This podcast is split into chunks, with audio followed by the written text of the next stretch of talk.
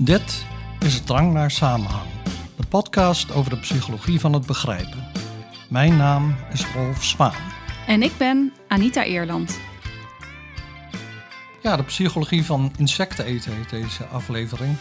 ik moet misschien wel even uitleggen waarom die zo heet. Ja, dat lijkt me wel. Ja, en dat heeft te maken met een ervaring die ik had bij Unilever vorige week donderdag. Ehm, een van mijn studenten had een Unilever Research Prize gewonnen. En ik ging mee als begeleider. Dus ik zat eigenlijk gewoon in het publiek. En naast de presentaties van uh, een paar studenten waren er ook twee lezingen. Eén van een uh, hoogleraar van de Universiteit Twente en één van iemand die werkt bij uh, de ice cream afdeling van Unilever. Maar dat is wel een, ik denk een chemisch technoloog of zo. En die lezingen vond ik heel interessant. Um, ze lagen helemaal niet op mijn vakgebied, maar ik probeerde wel te zoeken naar verbanden met de psychologie van het begrijpen. Mhm.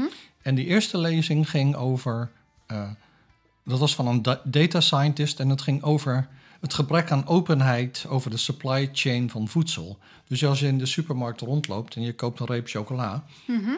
En iemand vraagt je, weet je waar de ingrediënten vandaan komen? Dan weet je dat uh, eigenlijk doorgaans niet, want die informatie wordt helemaal niet gegeven. Ik weet niet eens wat de ingrediënten zijn van een reep chocola, nee. eerlijk gezegd. Nee, in dit geval ging het geloof ik om een Hershey bar. Maar dan blijkt dus dat die ingrediënten volgens die lezing komen uit Nigeria, Canada, Nieuw-Zeeland, Indonesië en nog zo wat landen, eigenlijk Mhm. van alle continenten. Dus daar is geen openheid over. En misschien zijn mensen die milieubewust zijn wel mensen die zouden zeggen: Oh, komt het uit al die landen? Nou, dan zou ik uh, toch liever iets anders kopen. En Ja. bijvoorbeeld Tony Chocoloni, die is dan wel open over de supply chain. En ook Ben Jerry's, zoals de, de voorzitter, die was van Unilever, dus die benadrukte natuurlijk weer dat uh, Ben, ben Jerry's, dat was van Unilever. Ja, maar ja, niet. Hershey's. Um, ja, dus, uh, maar in ieder geval te, wat dus deze hoogleraar, Jos van Hilligersberg, uh, uh, waar die voor pleitte, was dat er openheid zou komen over de supply chain, hè, open chain, van, Mhm. van waar die ingrediënten nu vandaan komen. En dat zal misschien toch wel invloed hebben op wat mensen dan gaan kopen, als je weet waar dingen vandaan komen. En ik weet nog wel, en dat is dan meteen ook mijn onbegrip van de week, dat Oh, nu al? nu al, maar heel erg gerelateerd. Dat ik, nou ja, misschien zes of zeven jaar geleden, dan uh, kocht ik, had ik Griekse yoghurt bij het ontbijt met uh, blauwe bessen, bosbessen uit Marokko. Mhm. En dan honing uit Canada of zo. En dan pekaannoten uit, uh, nou ja, nog een ander land. En dan uh, dacht ik uh, van, kijk maar eens even multiculti zijn. maar eigenlijk is dat natuurlijk helemaal niet goed. Um, dus nu probeer ik meer dingen te, te, vinden die dan lokaal zijn. Maar dat weet je eigenlijk van weinig dingen. Behalve van, um, nou ja, laten we zeggen vruchten of sommige groenten. En uh, heb jij, weet jij dan misschien iets beter over wat je, wat je consumeert? Hè, waar dat vandaan komt? Nee, eigenlijk niet naar wat je zegt hè, van groente en fruit. Dat staat dan op de verpakking waar het Ja. vandaan komt. En ik weet inderdaad nog wel dat we... eh, dan soms heb je eh, blauwe bessen, die liggen dan allemaal naast elkaar in hetzelfde schap of in dezelfde eh, Mhm. koeling. Maar dan komen ze toch uit verschillende landen. En ik weet nog Ja. dat jij er dan op lette waar ze dan vandaan kwamen. Ja, op een bepaald moment ben ik dat gaan doen. En dus in Oostenrijk koop ik altijd Oostenrijkse uh, uh, bessen. Ja, maar daar hebben ze ook veel meer lokale producten Ja. volgens mij. Of in ieder geval in de supermarkt. En dan staat er ook bij inderdaad waar het vandaan komt. Dus dan is die keuze makkelijker. Maar van groente en fruit staat het er meestal wel op. Dat is natuurlijk dan ook in die zin een simpel product. Want het is gewoon, het komt van één uh, plek. Terwijl zo'n reep chocola, ja, daar zitten heel veel verschillende ingrediënten in. Die kunnen allemaal een andere afkomst hebben.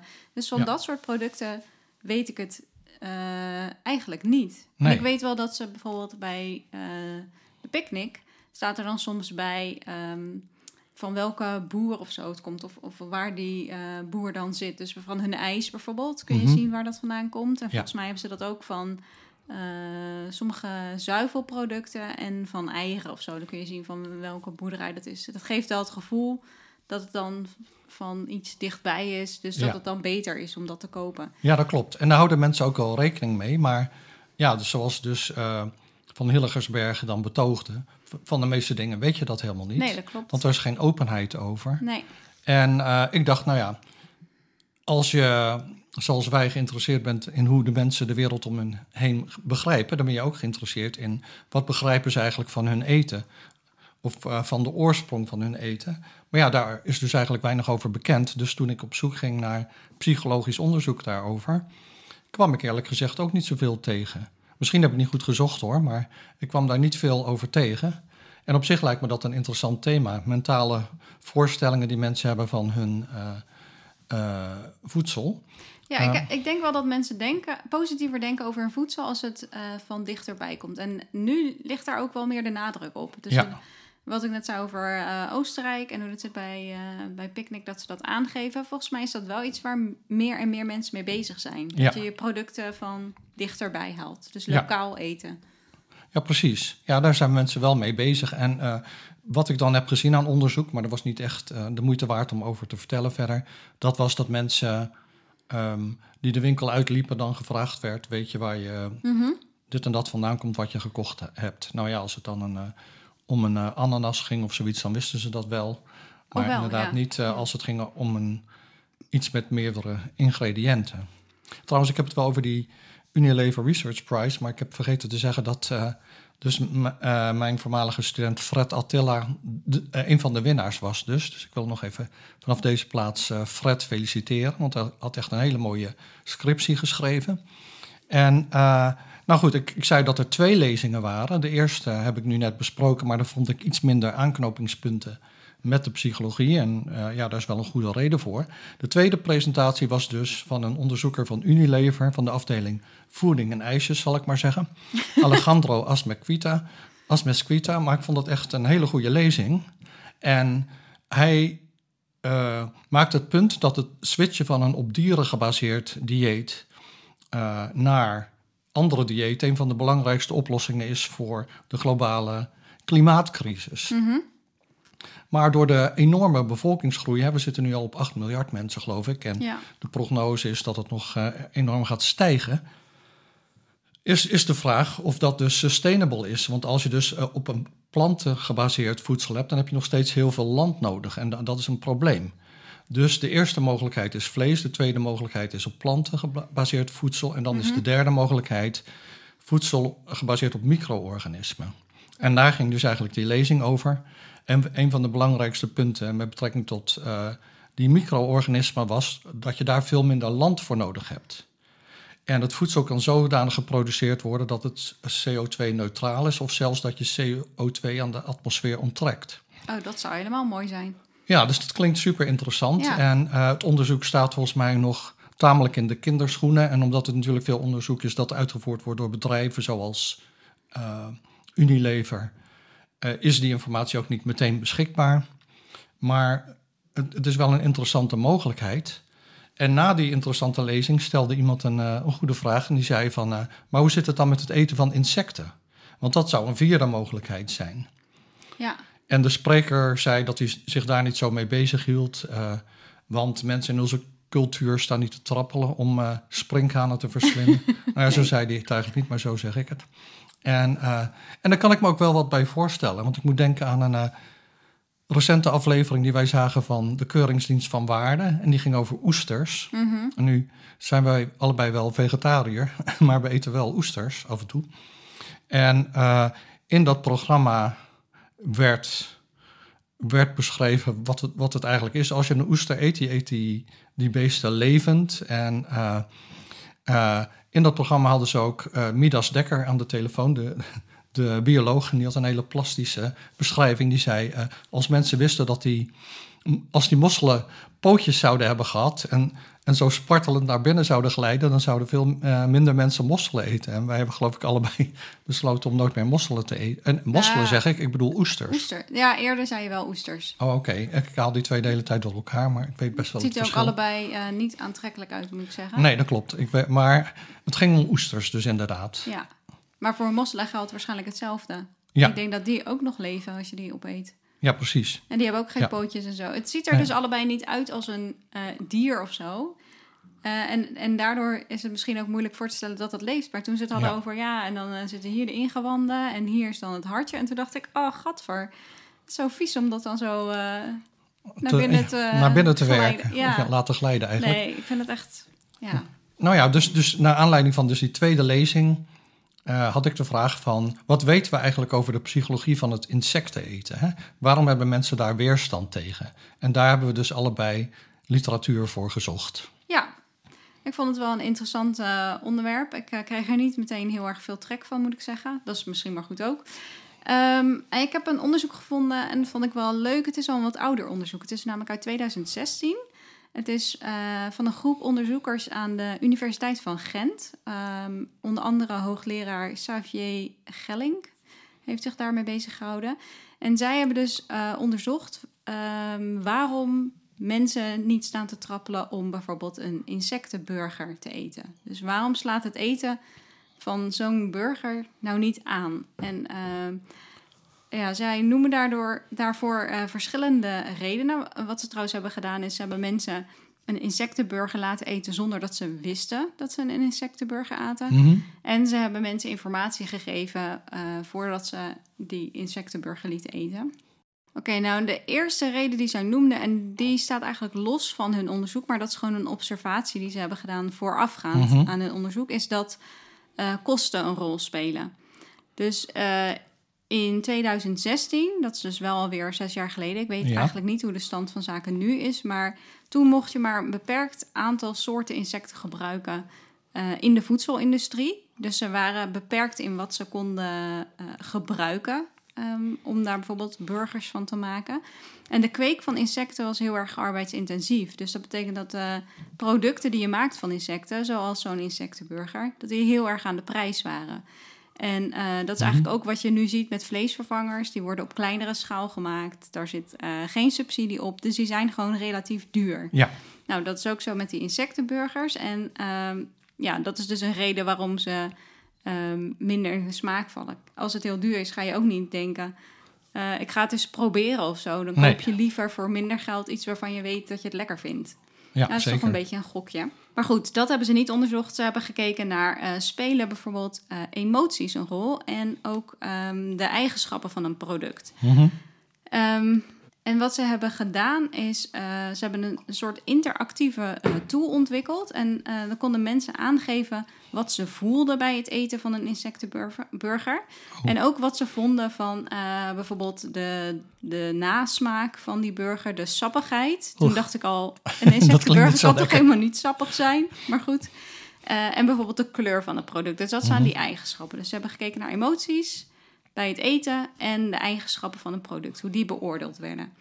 Nou, bleek uit hun onderzoek, en dat hebben ze gedaan onder jongeren, ik denk studenten van de universiteit die dan uh, meedoen aan dat onderzoek. Um, jongeren die een insectenburger aten zonder dat ze wisten uh, wat het was, vonden die minder lekker dan een burger van vlees. Mhm. Dus ja, dan, dan weet je niet wat je eet. Dan gaat het echt puur om de eigenschappen Ja, klopt. Van, uh, van het product. En uh, mensen vonden de insectenburger vooral erg droog. nou, daar kan ik me wel iets voor. Ik heb nog nooit uh, trouwens insecten gegeten, voor zover ik weet. Nee, ik alleen tijdens het hardlopen als je dan... eh, per ongeluk. ja, dat je je mond open hebt en ineens door een zwerm muggen loopt. Uh, en dan, dat Ja. heb ik al gehad. Ik heb wel eens volgens mij een keer op de fiets een spinnetje opgegeten. Oh, Dan ben je aan ja. het fietsen en tegelijkertijd aan het praten. Ja, dan vliegt er wel eens wat naar binnen. En ik, he- ik heb ook wel eens gelezen dat mensen in hun slaap dus regelmatig een spinnetje opeten. Ja, ik weet niet of dat een eh, broodje aap verhaal is eerlijk gezegd, maar Dat weet ik het zou niet. kunnen hoor. Het zou kunnen, ik weet het niet. Nou ja, in ieder geval niet bewust. Maar dat Ja. mensen dus eh, die niet wisten wat ze aten, zeiden... ja, ik, ik vind deze burger wel een beetje droog. Daar kan Hmm. ik me wel eh, iets bij voorstellen. En eh, hij, de burger had ook geen lekker mondgevoel. En eh, kan ik me... Over ja, mondgevoel gesproken, ik heb eten. of, we eten niet, we drinken muntthee, maar ik had een takje munt in mijn mond. toch geen wandelende tak? Ja, het lekker wel op, maar dat is wel... eh, nee, maar verder lekker. Nou, Goed. eh, niet meer over de thee, hè? Want Nee. eh, we hebben daar al Ja. een keertje over eh ja, gezeurd. Toen was het, eh, was het thee ook niet goed. Dit is prima, toch? Ja, prima thee. Ja, nou ja, dus eh, die pootjes en die vleugeltjes. Nou ja, dat, is eigenlijk, vind ik dat wel een interessant eh, idee, hè, van eh, die mentale voorstelling, waar die Midas-dekkers ook opriep met die oesters. Dat je ineens denkt van, oh, als die van die vriemelende pootjes heeft. Ehm, ja, en ik moet zeggen, zelf had ik wel garnalen, maar nooit gamba's. Want met die pootjes, ik vind ze gewoon heel erg lijken op kakkerlakken. Ja, dat is ook En- wel. beetje- Ze ja. hebben dan zo'n harde... eh, Je, je moet ook de kop eraf halen en dan Ja. het staartje. Maar en dan die pootjes heel... Nee, en soms ik, moet je toch ook het darmpje nog eruit halen. Ik, ja, Ja. nee. Ja, ik snap wel op zich dat je dan zo'n gamba vergelijkt met een springhaan. En Ja, plus het- dat ik ze een niet beetje eens lekker dezelfde vind. Eh, associaties oproept. Maar toch is het eten van een springhaan veel minder geaccepteerd dan het eten van een gamba. Bij ons. Ja, dat is waar. Ik bedoel, eh, in Nederland. Zeker, maar daar zit niet zozeer een groot verschil tussen, eigenlijk. Nee, zelf niet. Maar qua Nee. cultuur en qua Ja, ja, wat er zeker, zeker. is wel. Ehm, maar goed, even kijken hoor. Ik heb het nu gehad over de mensen die dus niet wisten dat ze een insectenburger aten. Dus die vonden minder lekker dan een vleesburger, droog en geen Mhm. prettig mondgevoel hebben. Eh, en de emoties, want daar hebben ze natuurlijk ook naar gekeken. Niet alleen Ja. de eigenschappen van het product, maar ook wat voor gevoel roept het op. Ehm dat waren vooral eh, angst en wantrouwen. Angst en wantrouwen. Ja, misschien omdat mensen dachten, dit smaakt niet als vlees, dus ik weet niet precies wat dit is. Dat je dan Mhm. denkt, wat zitten Ja. deze onderzoekers mij eh, te voeren? Ja, kan, Kan ik me voorstellen. Ja, daar, daar kan ik me ook iets voor voorstellen. Ehm, en als jongeren geïnformeerd werden over wat ze aten, dus dat Mhm. was een andere groep, die werd van tevoren verteld van dit is een insectenburger. En ze kregen ook meer informatie over eh, ja, eigenlijk het nut daarvan. Dus waarom een insectenburger eh, beter is voor het milieu en ehm, de gezondheidseigenschappen, zeg maar. Dus dat het rijk is aan eiwitten. Ja, Die informatie eh, werd gegeven aan eh, dus een andere groep eh, jongeren. En ehm, die waren dus na het verkrijgen van die informatie positiever over de insectenburger dan de mensen die niet wisten Mhm. dat ze een insectenburger aten. Dus ja, de vraag is dan: zorgt die extra informatie over de eigenschappen van de burger, dus het is eh, goed voor het milieu en eh, rijk aan eiwitten, zorgt dat er dan voor dat je het eh, lekkerder vindt? Of dat je eigenlijk vindt dat je het lekkerder moet vinden? ja. Ga- ja, precies. Nou ja, dat, dat zou je natuurlijk dan ook kunnen onderzoeken in experimenten. Dat je dus of een groep hebt waarvan je van tevoren al vertelt wat erin zit en waarom dat goed is. Een groep waarvan je niet, waaraan je niet van tevoren vertelt of het goed is. Eh, hè, Maar wel zeg wat erin over, zit. Maar wel wat Ja, erin zit. En ja, dan nog een groep waar je niet tegen vertelt wat erin zit, maar dan achteraf eh, dat er insecten in zaten en dat het goed voor je is. Dus je zou dat, denk ik, in een experiment wel zou je uit, uit elkaar kunnen halen. Ja, dat denk, denk ik ook. ik. Ja, en ja. Ik vind- Ik, denk wel dat er ook iets in zit van sociale wenselijkheid. Hè? Dus dat een proefpersoon dan denkt van oké, nu hoor ik dus dat het eigenlijk goed is voor het milieu of weet ik veel wat, of goed voor mezelf. Dus nu ga ik het dan ook achteraf lekkerder vinden. Hè? Dat hoeft geen bewust proces te zijn, Mhm. maar ik denk wel dat dat, eh, dat, dat eh, meespeelt. Of dat je dan minder hoge eisen stelt aan het product, omdat je weet dat het andere positieve eigenschappen Ja, heeft. Dus dat dat, het dus- ook. dat de Ja. balans dan anders doorslaat of zo. En ik vroeg me naar aanleiding hiervan ook af of het nu eh, goed is om altijd te weten wat je eet of niet. Kijk, ik zou altijd heel graag willen weten wat ik eet. Maar je hebt Ja. ook van die reisprogramma's. En dan zijn Mhm. mensen in, in landen waar ze heel andere eh, eet- en drinkgewoontes hebben. En dan eh, moeten ze eh, ja, iets eten waarvan wij zouden zeggen... Dat ga je toch niet eten? Nee, dan precies. vraag ik me wel af, wil je dat nou weten voordat je je tanden erin zet? Of kun je het beter niet weten, heel veel kauwen, doorslikken en dan... eh, Ja, ik denk dat het heel erg van de horen? persoon afhangt. Want ik moet nu denken aan onze vriend Dolf, die eh, ook naar de podcast luistert. En die ons laatst vertelde dat hij graag schapenkoppen eet. Dus eh, dan, dan weet je wel wat je zit te eten natuurlijk. Ja, Namelijk de kop van een schaap, maar hij vindt het heerlijk. En hij gaat ook speciaal naar de slager om een eh ja de islamitische schaap. Want Ja. ik vroeg me inderdaad af, waar Ja. kun je een schapenkop krijgen? Maar Ja, en eh, dus ik denk dat het voor sommige mensen niks uitmaakt. Maar voor andere mensen, zoals ik, wel. Dus ik zou, ik zou het liever wel weten, maar dan zou ik gewoon sommige dingen dus niet eten. Of heel veel dingen eigenlijk niet eten. Want ik ben een Mhm. beetje squeamish, wat dat betreft. Een beetje, hoe zal ik het zeggen? Pieterpeuterig, waar het aankomt op wat ik dan eet. Ja, en wat je eet is natuurlijk wel heel erg afhankelijk van eh, wat je gewend bent en Ja. eh, eh, wat, de, wat de omgeving acceptabel vindt. Ik heb nog even opgezocht eh, in welke landen er nu vooral veel insecten worden Hm. gegeten. Want dus niet in Nederland, maar Nee. in heel veel eh, westerse eh, landen eigenlijk niet. Ehm, de meeste insecten worden gegeten in Mexico. Oh, En dan heb je nog een aantal andere landen die ook in de top 10 staan, namelijk Ghana, China, Cambodja, Vietnam, Brazilië, Cameroen, Zuid-Afrika, Thailand en Japan. En in Ja. Hm. Europa vind je dus nauwelijks insecten op het menu. Ehm, wij zien insecten vooral als vies en walgelijk. En dat Ja. zijn natuurlijk niet associaties die je wil hebben met je eten.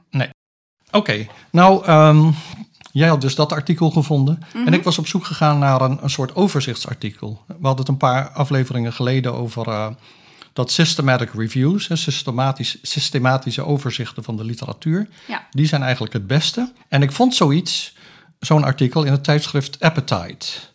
En dat, de naam van dat tijdschrift kende ik al wel, maar het ligt normaal gesproken bij, buiten mijn en ook jouw onderzoeksgebied. Maar dus zo'n systematische review is wel goed om een overzicht te krijgen van een vakgebied. Mhm. Nou werd dit onderzoek eh, uitgevoerd door een eh, groep onderzoekers van Wageningen Universiteit. Ik was natuurlijk vorige week op de campus van Wageningen Universiteit, want daar staat het gebouw van Unilever.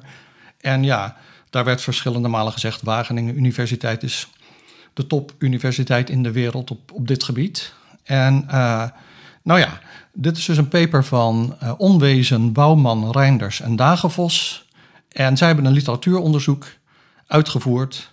En daarin hebben ze een, eh, even kijken hoor, 53, 56-tal studies nader onderzocht. Allemaal studies uit West-Europa en de Verenigde Staten. Ja, dat is op zich dus wel grappig, want dat zijn de landen waar die studies vandaan komen. zijn Ja. allemaal landen waarin het eten van insecten nog nauwelijks is ingeburgerd. Dus ik vind het wel heel interessant. dat- Ingeburgerd, haha. Pun intended. Ja, Nee, not intended. not intended. Eh, maar dus is wel interessant om juist in die landen te kijken hoe eh, het komt dat we daar dus eh, geen insecten eten. Waarom die verandering zo langzaam gaat Ja. en, en of we dat kunnen veranderen. Ja, dat klopt, zeker, zeker. En dan, dan is dus ook de vraag van... hoe meten mensen eigenlijk of je, hè, of je die, het eten van insecten accepteert? Mhm. Nou ja, wat ze dan bijvoorbeeld vragen is... ben je bereid, hoeveel ben je bereid te betalen voor een insectenburger, zeg maar? Heb je de intentie om er een te proberen of te kopen? Of heb je dat wel eens gedaan? Of eh, hoe zou je het vinden om dat te doen? Dat soort dingen. En eh, nou ja, dus die, wat zei ik, eh, 56 studies of zoiets. Ja. Als je die allemaal bij elkaar neemt, dan kun je een aantal conclusies trekken. En dat hebben dus die auteurs van Wageningen Universiteit gedaan. over de accep- acceptatie eh, die mensen hebben voor verschillende eiwitbronnen. Hè? Dus dierlijk vlees, plantaardig eh, en eh, eiwitten uit insecten. En kweekvlees. Hm? Oh, Kweekvlees. kweekvlees. Oh ja, alleen dat woord al. Ja, Kweekvlees. dat klinkt ook niet. Ja. Ja, en dan zijn de vragen die ons dus interesseren als psychologen, en die ze ook in dit artikel beantwoorden. Wat zijn dan die sociale en psychologische factoren die de accepta- acceptatie van een bepaalde bron van eiwitten beïnvloeden? Ja, en ze maken eigenlijk onderscheid, of zij, on- zij onderscheiden drie soorten eh, factoren die dus bepalen in hoeverre mensen ehm, verschillende eiwitbronnen accepteren. Mhm. En de eerste categorie zijn productgerelateerde factoren. En, en nou, die categorie verdelen ze ook weer onder. Dus ze kijken naar, ehm, ja, dat noemen zij food motivations. Ja. Dus eh, hoe gezond is het product? Hoe smaakt het? Eh, hoe gemakkelijk is het product? Dus om, Ja. om eraan te komen, maar waarschijnlijk ook om het te gebruiken. Ehm, wat is de belasting van het milieu van een bepaald product? En eh, hoe ziet het product eruit? Het moet er Ja. natuurlijk wel eh, lekker uitzien. En vaak zijn dus consumenten heel slecht op de hoogte van hoe gezond een product is en wat de belasting voor het milieu is van een bepaald Mhm. product. En dan, dan zie je dus als dat wegvalt, dan geeft smaak, gemak en eh, hoe een product eruit ziet eigenlijk meer de doorslag dan Ja, zeker. eh, de kennis over een bepaald product. Maar dat maakt dus dat we ehm, ja, wel of niet eh, acceptabel of accepterend staan tegenover verschillende eiwitbronnen. Maar ook de bekendheid van een, met een bepaald product speelt een rol. Dus dan dat- vraag ik me af, is dat niet dubbelop? Want als je al bekend met iets bent, dan heb je toch al in zekere mate geaccepteerd. Eh, nou ja, dus je kan lijkt ook een een, beetje circulair, of niet? Nou, als de bekendheid komt door een positieve ervaring, wel natuurlijk. Mhm. Maar je kunt ook eh, wel bekend zijn met een product, want je hebt een keer een insectenburger gegeten en dat was eh, super vies. Mhm. Dus dan ben je minder acceptabel. Dus het gaat erom dat de, erva- de eerdere ervaring, als je al een eerdere Ah ja, ervaring ergens mee hebt, dan beïnvloedt dat Ja. de mate van Oh zo, eh, oké, oké, acceptatie. oké. Ja, begrijp ik. Ja. En ja, ons gedrag uit het verleden blijkt een, een goede voorspeller te zijn Mhm. voor de toekomst en ook natuurlijk onze ervaringen. Dat zijn allemaal eh, factoren die gerelateerd zijn aan het product zelf. Ja. Ehm, dan heb je ook psychologische factoren. eh, en daaronder vallen eh, onze houding ten opzichte van een product. Dus wat vinden we daar eigenlijk van? Ehm, maar ook ja, voedselneofobie. Dus dat is dat Ja. je een afkeer hebt van het proberen van nieuwe producten. Ja. ja, dus je hebt neofobie voor andere dingen ook. Gewoon angst voor het nieuwe. Mhm. Maar voedselneofobie is dan dus specifiek voor voedsel. Ja. En dan heb je ook nog walging. En ik las een andere studie waar die twee eigenlijk uit elkaar werden gehaald. Waar gezegd werd en ook aangetoond werd in de data, in de data dat zij niet, dat is niet hetzelfde. Dus Nee. angst voor het nieuwe is iets anders dan walging. Ja, de, het zijn twee verschillende eh, emoties ook. Ja. Ja, walging en, eh, en angst. ja, want ik kan me wel voorstellen bijvoorbeeld dat je dus zegt van oké, deze vrucht heb ik nooit gegeten. Iemand met voedselneofobie zou dan die vrucht niet eten. Maar Gewoon omdat in- het nieuw is, Ja, maar, maar die niet- walging, eh, als ja. je alleen walging, dan zou je het waarschijnlijk, zou je die vrucht wel eten. Die walging heeft dan vooral betrekking, denk ik, op, nou ja, voedsel van dierlijke afkomst. Ja, of misschien, weet ik veel. Ik kan me voorstellen dat mensen misschien walging hebben van een passievrucht. Dat ze dat er vies uit vinden zien. Oh ja, ja. Omdat het lijkt op de ingewanden van een insect of zo. Ja, Nou ja, ik vind het heerlijk. Maar, Ja. Dus ik heb dat helemaal niet. Maar je kunt natuurlijk... eh, je kan ook walgen van voedsel waar je bekend mee bent. Eh, Ja. Dus die twee dingen zijn inderdaad niet, eh, niet hetzelfde. Maar dat zijn wel allebei psychologische factoren... die invloed hebben op Ja. de acceptatie van een nieuwe eiwitbron. Dus we hebben productgerelateerde factoren gehad... eh, psychologische factoren. En dan is er nog een derde categorie, dat zijn externe factoren. Mhm. Eh, en daaronder valt onder andere bijvoorbeeld vertrouwen hebben in wetenschappelijk onderzoek. Oh ja, Dus mensen die weinig vertrouwen hebben in wetenschappelijk onderzoek, zijn ook minder snel geneigd om bijvoorbeeld eh, kweekvlees te accepteren. Mhm. Ik denk omdat die mensen denken, ja, kweekvlees dat komt uit een lab. Alles wat uit een lab komt is niet te vertrouwen. nee. Dus dat ze ja, dan dus minder, eh, eh, dat minder accepteren. En ook bijvoorbeeld ja, het eten van insecten, dat, daar wordt Mhm. ook mee eh, geëxperimenteerd in een lab Ja. natuurlijk. Ehm, Het voelt waarschijnlijk minder natuurlijk. Dus is Mhm. daar dan minder acceptatie voor als je meer, minder vertrouwen hebt in de wetenschap. Ehm, maar ook bijvoorbeeld sociale normen. Dus als jouw omgeving eh, bepaald gedrag accepteert, zoals het Ja. eten van een insectenburger, dan zou je dat zelf ook sneller accepteren. En cultuur, dus dat is eigenlijk sociale normen, maar dan breder getrokken. Ja, Bij sociale normen gaat het echt om jouw familie en vrienden, dus een kleinere kring. Cultuur gaat meer om eh, de samenleving eh, waarin je leeft. en ik Ehm, denk dat je dat trouwens ook nog wel in families ziet, hè? die sociale normen, zat ik aan te denken. Want bijvoorbeeld, mijn vader die wilde, nou die werd later ook vegetariër, maar eh, heel lang wilde hij alleen maar vlees van koeien. Want alles dat wat kleiner was dan een koe, daar wilde hij geen vlees van. Dus ik had als kind nooit kip gegeten. mhm. Pas later begon ik kip te, te eten, maar ik heb het eigenlijk altijd met een zekere weerzin gedaan. En ehm, ja, nu eet ik natuurlijk helemaal geen vlees meer. Maar als ik weer vlees zou eten, dan zou ik denk ik alleen maar rundvlees en hertenvlees eten. En, en, en niet, eh, nou varkensvlees had ik sowieso al bijna nooit, maar ook vogels zou ik ook niet meer eten. Daar heb ik dat walging-idee eh, toch heel sterk bij. Ja, dus wat je nu zegt heeft dan met psychologische factoren Ja. te maken, maar Ja. ook met eh, die sociale normen. Dus ook die Ja, externe. Ja, ja, die- ja. Die, die dus, waarvan ik denk dat die walging misschien dus aangeleerd is dan. Eh, omdat mijn vader dat ook had. En heb ik dus kip altijd gezien als iets verdachts, zeg maar.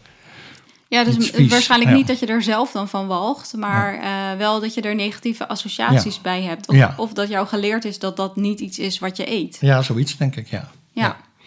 Ehm, ja, dus dat waren die drie verschillende eh, groepen factoren die dus een rol spelen bij eh, of we nieuwe eiwitbronnen accepteren of niet. Ja, ja en, en, en dan heb je dus over hè, de, die eiwitbronnen zelf, de, het product, zeg maar. Maar je hebt natuurlijk ook te maken met consumenten. En die zijn ook niet allemaal, eh, dat is geen homogene groep in principe. En je zou kunnen zeggen van, nou misschien zijn, zijn er wel leeftijdsverschillen. Zijn jongere mensen meer accepterend met betrekking tot insectenvlees of insecteneiwitten dan oudere mensen. Ehm, maar uit al die onderzoeken kwam dat eigenlijk niet heel sterk naar voren. Er waren niet uh, hele belangrijke verschillen tussen oudere en jongere mensen, of mannen en vrouwen, of hoger en lager opgeleide. dus we kunnen bijvoorbeeld niet zeggen: mannen accepteren kweekvlees makkelijker dan vrouwen. En vrouwen accepteren insecten makkelijker, want dat blijkt niet uit, uit het onderzoek dat tot nu toe gedaan is. Sociaal en psychologische factoren, waar jij het dan daarnet over had, Mhm. die spelen een veel belangrijkere rol dan die demografische factoren. Ja. En ja, dan is wel zo dat blijkt dat le- leefstijl van belang is. Dus mensen die sowieso al veel vlees eten, die staan meer open voor kweekvlees en vleesalternatieven die op vlees lijken. Terwijl ze minder openstaan voor plantaardige vleesalternatieven en eh, dat soort dingen. ja, dat is op zich ook wel logisch dat als jij al veel vlees eet, dat je en je wil daarvan af, of je hebt Mhm. het gevoel dat dat moet, dat je dan op zoek gaat naar een alternatief dat daar het meest op lijkt. Dat, Ja. is, dat die verandering zeg maar zo klein mogelijk is in jouw eh, beleving. Ja, want je hebt toch die barbecue in de schuur staan en die, eh, die wil je gebruiken. En dan, Dan kun je maar beter een eh, kweekvlees opleggen dan een insectenburger. ja, zo. zoiets. Ja, ja. Ja, dus we hebben nu best wel aardig wat factoren benoemd die een rol spelen bij de keuze voor bepaald voedsel.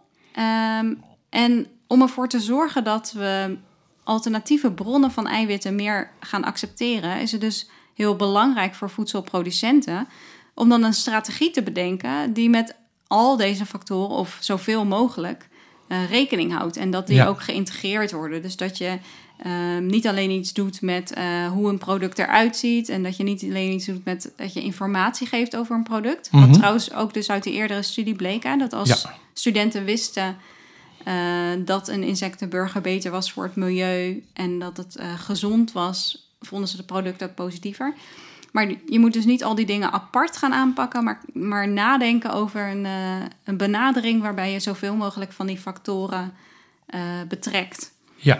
En dan zou je dus een- zo'n transitie naar andere eiwitbronnen ehm, ja, in werk kunnen stellen. Ja, en daar ging dus eigenlijk ook. ehm, daar gingen veel van die onderzoeken over, die eh, dus in deze studie zijn samengevat. van de onderzoekers uit Wageningen. En eh, die, hebben, hè, die onderzoeken hebben gekeken naar interventie. Hoe kan je nu zorgen dat Ja. mensen een transitie maken? Mhm. En wat is het meest effectief? Nou ja, dan blijkt dat het, heeft dus, eh, dat het een positieve invloed heeft om het te hebben over wat de milieuvoordelen zijn van een bepaalde eiwit, zeg maar. Mhm. En wat de gezondheidsvoordelen zijn. Als, als die dus positief zijn, dan zijn mensen meer geneigd die bron, eiwittenbron te accepteren. Mhm. En nou ja, dan kun je dus die informatie op zo'n manier presenteren aan consumenten dat ze toch eh, iets, iets meer eh, openstaan voor, voor, voor eh, bijvoorbeeld insectenburgers. En dan moet je dus, als je die ingrediënten beschrijft, moet je dat wel op een niet-technische manier doen. Dat blijkt beter te werken dan wanneer je het heel technisch beschrijft. En eh, je kunt de bekendheid van die eiwitten, planta of, eh, bijvoorbeeld plantaardig, maar ehm, ook eh, insecten, op insecten gebaseerde eiwitten. De bekendheid daarvan kun je ook vergroten door ze te introduceren of, of op te nemen in al bestaande producten. Dat je bijvoorbeeld een wrap hebt waar zeewier in zit of insecten. Want die wrap gebruiken mensen al om eh, een burrito of zo te maken. Maar als je dan eh, ja, insecten bevat, dan is dat misschien een kleinere stap dan wanneer je ineens een springhaan op je bord hebt liggen. Ja, ja, dus dat je bestaande gerechten aanpast een klein Ja. beetje. In plaats van iets heel nieuws introduceert. En dat is eigenlijk precies waar die vleesvervangers natuurlijk ook op inspelen. Ja, Want eh, je, je hoort heel vaak dat mensen zeggen: ja, waarom moet een, eh, een, ehm, een vegetarisch product nu lijken op een worst of op gehakt Mhm. of zo? Ja, dat is zodat mensen weten hoe ze het kunnen gebruiken. ja. Eh, en dat je, je je favoriete gerecht gewoon kan koken, maar dan met een vegetarische variant. Dus Ja. ook om die verandering zo klein mogelijk te maken. Daar zijn natuurlijk voor- en tegenstanders van, maar ja want volgens mij is ook, is, is ook niet een beetje een, het misleidende daarvan dat dus die, die producten die dan wel lijken op boterhamworst of hè, wat je op brood kunt doen of, Mhm. een, of een hamburger, dat die niet dezelfde ingrediënten bevatten. Dus ehm, ook niet dezelfde voedingswaarde hebben. Dus als u zegt van, nou normaal gesproken eet ik altijd een stuk, ehm, weet ik veel, twee keer per week een steak, maar nu neem ik dan een vegetarische steak. Mhm. Dat die steak eigenlijk niet de- dezelfde hoeveelheid eiwitten bevat en misschien meer zout bevat en zo. Dus dat is dan wel een risico daarmee, denk ik, als dat waar is. Ja, maar ik denk zelf, ook al is dat zo, ehm, het maakt de keuze voor een eh, vegetarisch alternatief Mhm. wel makkelijker, zonder Ja. dat mensen meteen eh, op een heel andere manier met eten op moeten gaan. Weet je, dat je Ja. al je, je recepten en zo ehm, de prullenbak in kan gooien en op een hele nieuwe manier moet gaan leren koken. Want dat Ja. kost heel veel ehm, moeite Ja. en tijd. We zijn gewoontedieren en dan haken denk ik heel veel mensen af. ja, het is een soort, misschien een soort nicotine-tablet voor... uh, wel een pleister. Ja, ja. ja. Ja, een pleister, ja. En dan, want ik zit wel te denken, ik vind dus inmiddels die vegetarische burgers ook niet meer lekker. Nee, ik denk, dat weet ik. hebba, denk ik dan. en ik heb dat helemaal niet meer nodig. Nee. Uh, dus ehm, niets te nadelen van de vegetarische slager, die trouwens ook van Unilever is, maar voor mij hoeft dat niet. Nee. Ik heb ook wel eens gehoord dat ze die vleesvervangers dat het eh, opvolgvlees wordt genoemd. Oh ja, Dus ja. alsof je een baby bent dat langzaam van eh, ehm, eh, borstvoeding en dan eh flesmelk en dan zeg maar vast, vast voedsel. Ja. Alsof dit ook een soort van tussenfase is. zeg maar, je, je zat eerst op een driewieler, toen kreeg je een gewone fiets met ste- eh, steunwieltjes, Zijwieltjes. zijwieltjes. En, En, nu als- mag je los. En nu mag je los. ja, zoiets. Ja, ik kan me daar wel bij voorstellen. En ehm, ik moet ook zeggen dat ik ben niet iemand die snel ehm, een insectenburger zal eten hoor. Dat is misschien wel eh zeurderig van mij, maar ik heb mijn hoop gevestigd op de micro-organismen.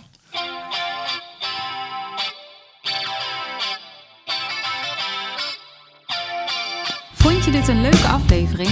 Abonneer